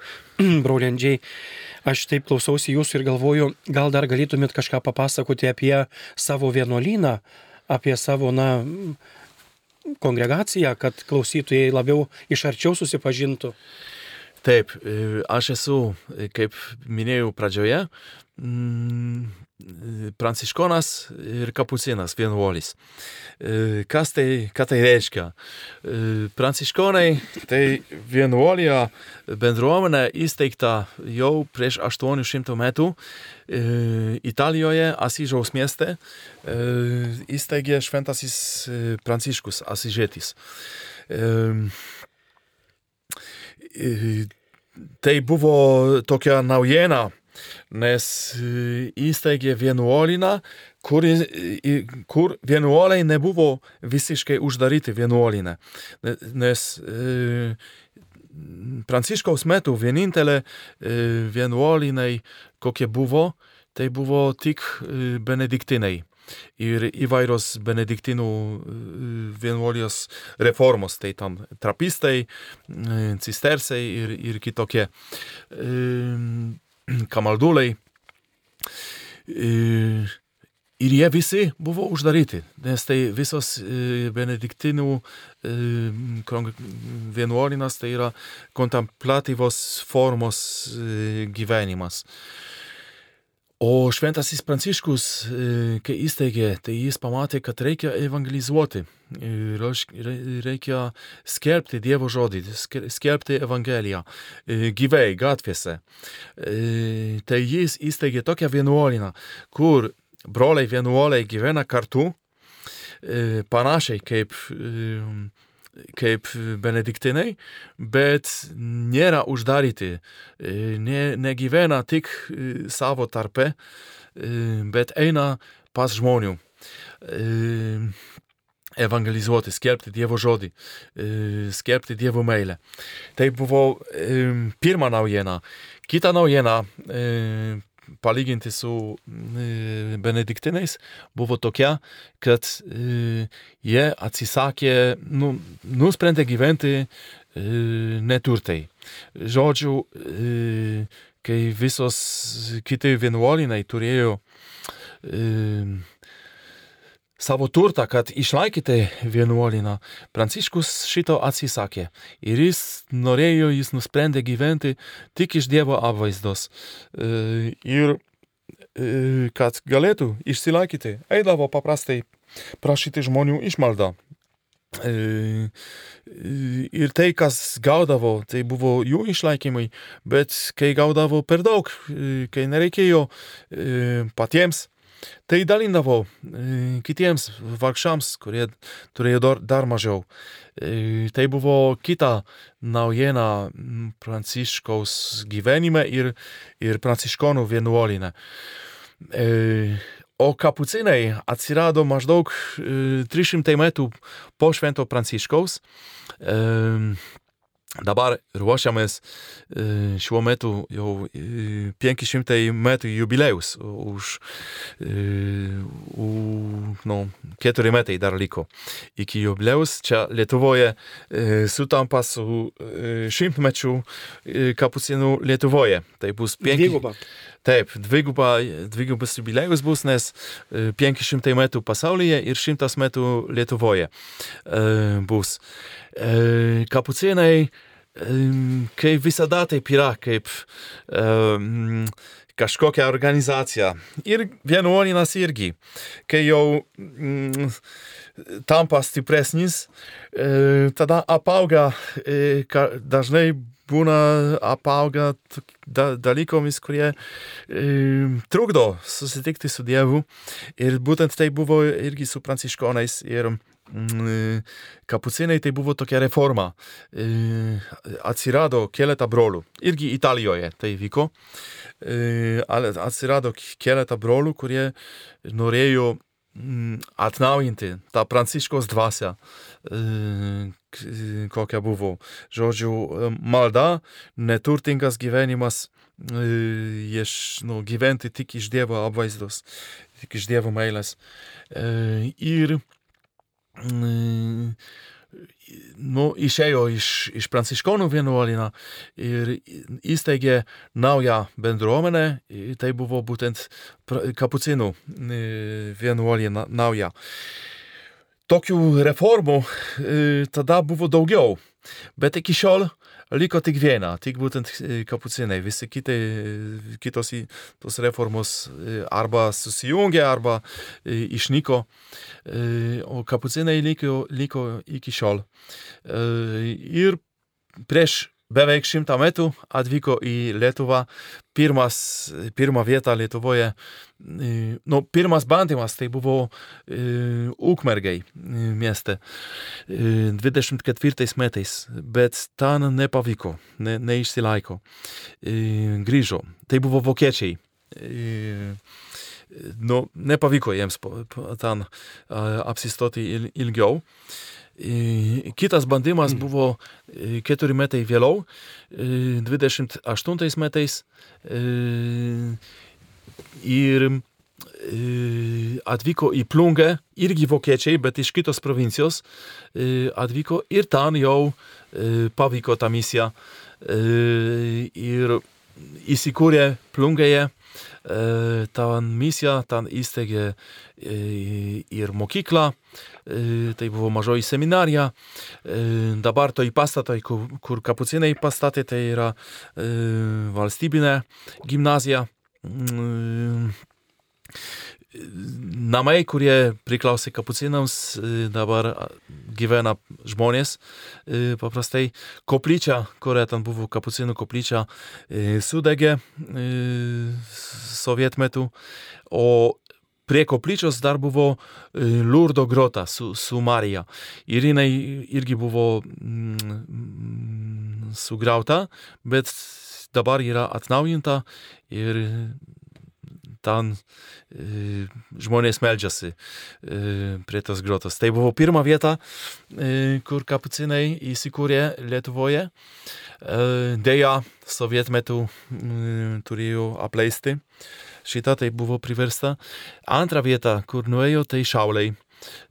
Šauliuose buvo studijų namai dar ten neradau, ieškau. Gal kažkas iš, iš klausytojų žino, kur tiksliai buvo, gal kokių nuotraukų turite Šaulių bažnyčios kapucinų arba... Atsiprašau, mes turime skambutį. Skambina klausytojas Antanas iš Kauno. Klausome. Gravėžiai Kristai. Per amžius. Per amžius amen. Įdomu man sužinoti jūsų dvasininkų požiūrį į bendrystės dvasingumą. Ar jums netrodo, kad bažnyčia dabar nebėra ta bendrystės nama ir mokykla? Tai iššūkis. Nuomelentė, popiežius Jonas Paulius II viską nurodė, visas gairės apie charizmą, egoizmą. Ir man atrodo, apie tai reikia kalbėti, nebekalbėkit vėjų, kalbėkit, kas palikta kietu.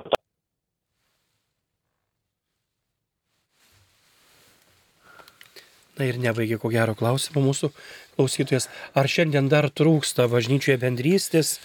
Aš kiek būdamas ir betarnaudamas, nu, matau, kad pakankamai tikrai vyksta bendrystė, žmonės ateina, mes kažkaip, na, ir meldžiasi, ir bendrauja, ir, ir po mišių susitinka dar, neskuba netgi namus. Tai... Taip, visada yra kur ir kaip atsiversti. Tai yra iššūkis tikras mums visiems. Tai yra tiesa. Bet nesakyčiau, kad nėra iš vis tos bendrystės. Tikrai mūsų bažnyčioje, mūsų parapijoje tikrai žmonės ateina, susitinka, ypač sekmadienio šeimos ir jaunimas. Tai tokia galimybė ir pakvietimas visada yra. Aš taip pat būd, važiuoju per ne vienoj būnų parapijų, tarnauju per kelias parapijas ir iš tikrųjų, na, nematau dar tos tendencijos, kad jau parapijose būtų nutrūkęs bendrystės ryšys, kad žmonės nesirinktų, kad ten tik lebonas būtų zakristijonas su vargonininku ir, ir sienus ar ne bažnyčius. Nu, iš tikrųjų, žmonės renkasi. Mes, aš manau, labai visi gerai matėme na, per tas didžiasias mūsų metų šventės ar ne, ypatingai kučių vakarą, tikrai kiek teko na, lankytis bažnyčiose, pilnos bažnyčių žmonių buvo, tai na, nėra sakyti, negalima taip sakyti ir teikti, kad jau viskas yra pasibaigę, nutrūkę, išsivaikščioję visi ir ne, iš tikrųjų vyksta ta bendrystė, tik tai gal ne, ne visi pastebim. Taip, bet ir kita vertus tiesa, kad reikia visada yra kur, kaip Stengtis. at, atsiversti, e, išeiti iš savo egoizmo. Ir čia ne tik bažnyčioje, tai visur. E, bažnyčia yra iš tų pačių žmonių, kurie gyvena visuomenėje. E, tai reikia mums atsiversti, ieškoti Dievę, ką tu nori. Aš klausiausi jūsų broliandžiai pasakojimų, vėl turime skambutį, taip, Skambina klausytoja Marija iš Nemenčinės. klausome. Garbė Jėzui Kristui. Per amžius amen.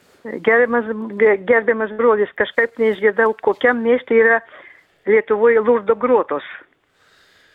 Jūs va tik pasakot, kad yra Lietuvoje Lurdo grotos, bet neišgirdau, kokiam. Norėčiau, Ta- norėčiau pavažiuoti tenai pasimelsti Dievo motinai. Gerai. Ta, tų Lurdo grotų yra daug vietovėse Lietuvoje, bet ta, apie kurią aš kalbėjau dabar, tai yra plungėje. Jeigu tiksliau ieškoti, tai reikia ieškoti plungės gimnazijos ir ten netoli tos gimnazijos yra vieta, kur buvo kapucinai ir kur yra iki šiol Lurdo grota Marijos. Taip, aš, ačiū labai, nu, gal spėjo įsidėmėti klausytoje, aš klausiausi jūsų brolį ir apie Šventai Pranciškų, kada pasakojot, aš kažkaip tai irgi jau labai nuo senai e, Šventoj Pranciškom iš tikrųjų ir domėjausi ir, ir man tikrai paliko tokį, na, neišdildomą įspūdį, iš tikrųjų jo tas ir paprastumas, na, natūralumas, tas neturtas, toks artumas žmonėm, iš tikrųjų atsidavimas Dievui, jo valiai, santykis su Dievu. E, iš tikrųjų tai tikrai tokia, na, nu kaip sakyti, ne, neįlinė asmenybė. Ir aš prisiminiau, kaip mes prieš jau daugel metų, esu pats kilęs iš Vilkijos parapijos, tenai turėjom tokį šviesios atminties kleboną.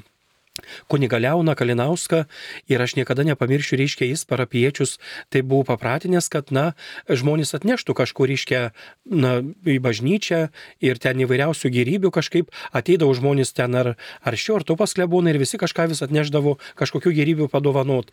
Ir aš prisimenu, jis per savaitę pririnkdavo jų ir jau ten kokį penktadienį ir šeštadienį sakydavo šeimininkiai, tuo metu jau šeimininkė buvo Irena Blužienė ir, ir mane pasikviesdavo sakydavau, irgi žiūrėkit, kiek mes turim visko pririnkę ir dabar sugalvokim, kam galėtumėm išdalinti. Įsivaizduojat, mes važiuodom per parapiją ir žmonėm, kuriem kažko tai trūksta, stinga, stokoja kažkas kažko. Tai ne tik adventų metu tai vykdavo ar ne, ar ten prieš Velykas, bet ištisus metus, reiškia, va, jau savaitgalį važiuodavom ir tas gyvybę žmonėm, kuriem, na, jų reikdavo, iš, išdovanodavom. Tai vad man ta tokia sąsa iš tikrųjų to kad prašydavo taip, kad, na, paukokit, paremkit, bet nepasilikdavo savo, na, aišku, kažką kažkiek pasilikdavo, bet kad ir žmonėm, tiem, kuriem reikia, kuriem numatydavo parapijai, va- važiuodavom kartu ir iš, išdovanodavom. Tai tokia labai graži tradicija buvo, dabar gal jau išnykę, nėra to, bet ir tas santykis su žmonėm parapijos iš tikrųjų žinojo, kam ko reikia, visus, kaip sakyt, labai gerai pažinojo, lankydavo parapiją, užsukdavo ir šiaip, ne tik lankymų metu, bet ir bet kada pro šalį važiuodamas ir pasikalbėdavo, na, numatydavo, kam ko galbūt trūksta, stinga ir va tada apdovanodavo tai.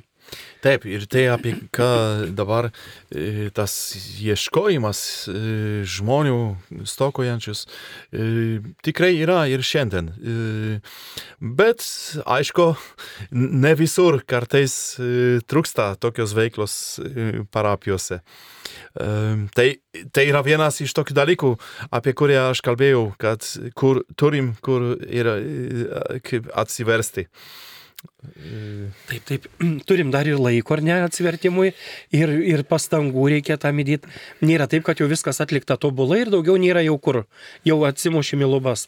Iš tiesų turim dar kur stengtis ir taip, čia ir klausytojai sako, kad provincijų bažnyčios yra tuščios, Na, įvairiai aišku yra, ten, kur žinot, vis tiek ir žmonių gal yra, nu jau ne, ne, ne kažkiek daug gyvena, tai ir, ir ypatingai jeigu amžius jų senyvas, jie nesusirinks nei sekmadieniais, nei gal ten švenčių metu į, į savo bažnyčią. Taip ir mes dar turim klausimą, vieną skambutį. Skambina klausytojas Algymantas iš Lentvario. Garbė Jėzui Kristui. Per amžius. Per amžius amen. Norėčiau taip tokį klausimą, lietuviai ten dalyvauja tam Ukrainos kare, ten, ir ar jie nepažeidžia to Dievo įstatymo nežudyk. Jie ten skelbėsi, kad, kad, kad, kad e, Europos gelbėtojai, vos ne pasaulio gelbėtojai, čia ne erezija yra. Na, broli, kaip jums pirmiausiai? Ukraina kaip nepriklausoma valstybė yra užpulta. E, iš Rusijos e, ir turi ginti, turi tą teisę e, ginti savo valstybę, savo žmonių, e, savo teritorijoje. O mes, nu, kurie esame laisvi, esame įsipareigoti padėti žmonėms, kurie tokiai padėti, tokiai nelaimiai yra. Tai mes neskatinam žudyti e, paprastai šiaip, e, tik skatinam ginti savo, savo kraštą, savo žemę ir savo šeimos. Taip, broli, ir aš tvirtai tikiu, kad lietuviai nuvykę į Ukrainą tikrai nenuvyko ten žudyti. Jie nuvyko ginti, padėti, gelbėti ar ne tą už, užpultą tautą bet ne kaip kažkokie žmogžudžiai ten nuvykę pasilinksminti su žudimais. Tai, na, ne, netikiu tokiais dalykais, kad išvyko žudyti. Tai kad ginti, padėti tautai, ginti žmonės nekaltus ar ne vaikus, senelius, gelbėti jiems galbūt ir padėti humanitarinę pagalbą teikti. Na, aš manau, kad dėl kilnesnių motyvų ir tikslų tenai taip. taip. Kol... Gerai, tai tada mes dar Aš gal, gal apie lietuvių taip, taip, kapucinus. Taip. Tai kai sakiau, baž... buvo Šauliuose bažnyčia, Dabar ieškau internete, bet gal ir būtų žmonių, kurie žino, kur buvo kapucinų namai ir bažnyčia Šauluose. Gal turit kokių nuotraukų, ar su kapucinais, ar to namo bažnyčios. Tai galim susisiekti, galit mane rasti Facebook'e, internete. Tai ten buvo antri namai ir treti buvo Kaune Petrašinuose. Atvyko 36 metais kapucinai į, į Kauną, į, į Petrašiūnų tiksliai, nes tada dar nebuvo, Petrašiūnai buvo atskiras nuo Kauno. Tik jau vėliau buvo prijungtas prie Kauno. Tai kapucinai atėjo dar į Petrašiūnų, ne į Kauną. Ir, ir ten pradėjo savo misiją. Dabar šiuo metu vienintelė vieta, kur mes esam, tai būtent Kaunas Petrašiūnai. Dar turim namą Pauluose, kuris dabar vyksta kaip veikia kaip rekolekcijos svečių ir rekolekcijos namai. Tai kviečiam galima aplankyti mus ar, ar tai Kaune, ar Pauluose. Tai yra tokia galimybė. Na labai malonu iš tikrųjų. Aš dar norėčiau paklausti, kaip sakykit, broli, ar jums tenka darbuotis tik savoje parapijoje, ar ir tenka būti kaip misionierium vykti per kitas parapijas? Taip, mes visų pirma, aš konkrečiai esu parapijos kunigas, tai mano pagrindinė vieta, kur tarnauju, tai yra mūsų parapija, Petrašūnų parapija. Bet esame pakviesti tarnauti ir kitur. Aš esu asmeniškai, aš esu Praveniškų kapelionų e, kalėjime, e, tai tenai, kiek tik galiu, e, bent nu, stengiuosi kartą per savaitę tenai važiuoti. Kviečia mus į rekolekcijas ar atlaidai pravesti kitos parapijos. Jeigu galim, jeigu laikas leidžia, tai važiuojam su tokia misija. Ypač brolis Mykolas šiuo metu yra taip žinomas kaip toks misionierius. Taigi, brangieji, mūsų laikas jau atėjo į pabaigą ir aš noriu jums visiems palinkėti, kad naujųjų metų proga jūsų namus ateitų pastovi laimė, dieviška sėkmė, gedra nuotaika, veikli meilė ir patvari sveikata. Ir dar šiandien e, sausio 13 dieną ve, e, visiems. Laisvės e, linkiu, tikros laisvės, kurią Dievas visų pirma duoda mūsų širdims.